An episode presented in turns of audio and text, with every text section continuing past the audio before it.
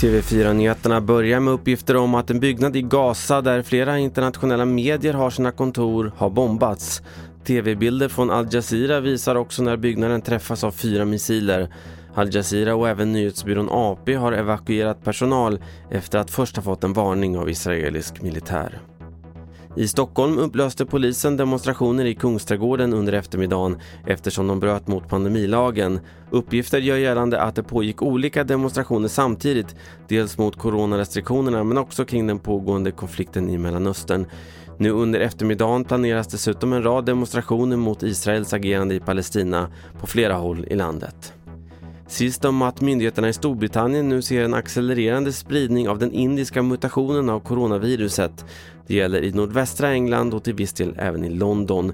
Nu finns oro för att landets öppnande kan komma att behöva bromsas och Tyskland återinför karantän för resenärer från Storbritannien. Landet snabbar nu på vaccinationerna ytterligare. Det var senaste nytt från TV4 Nyheterna. Jag heter Carl-Oskar Alsen.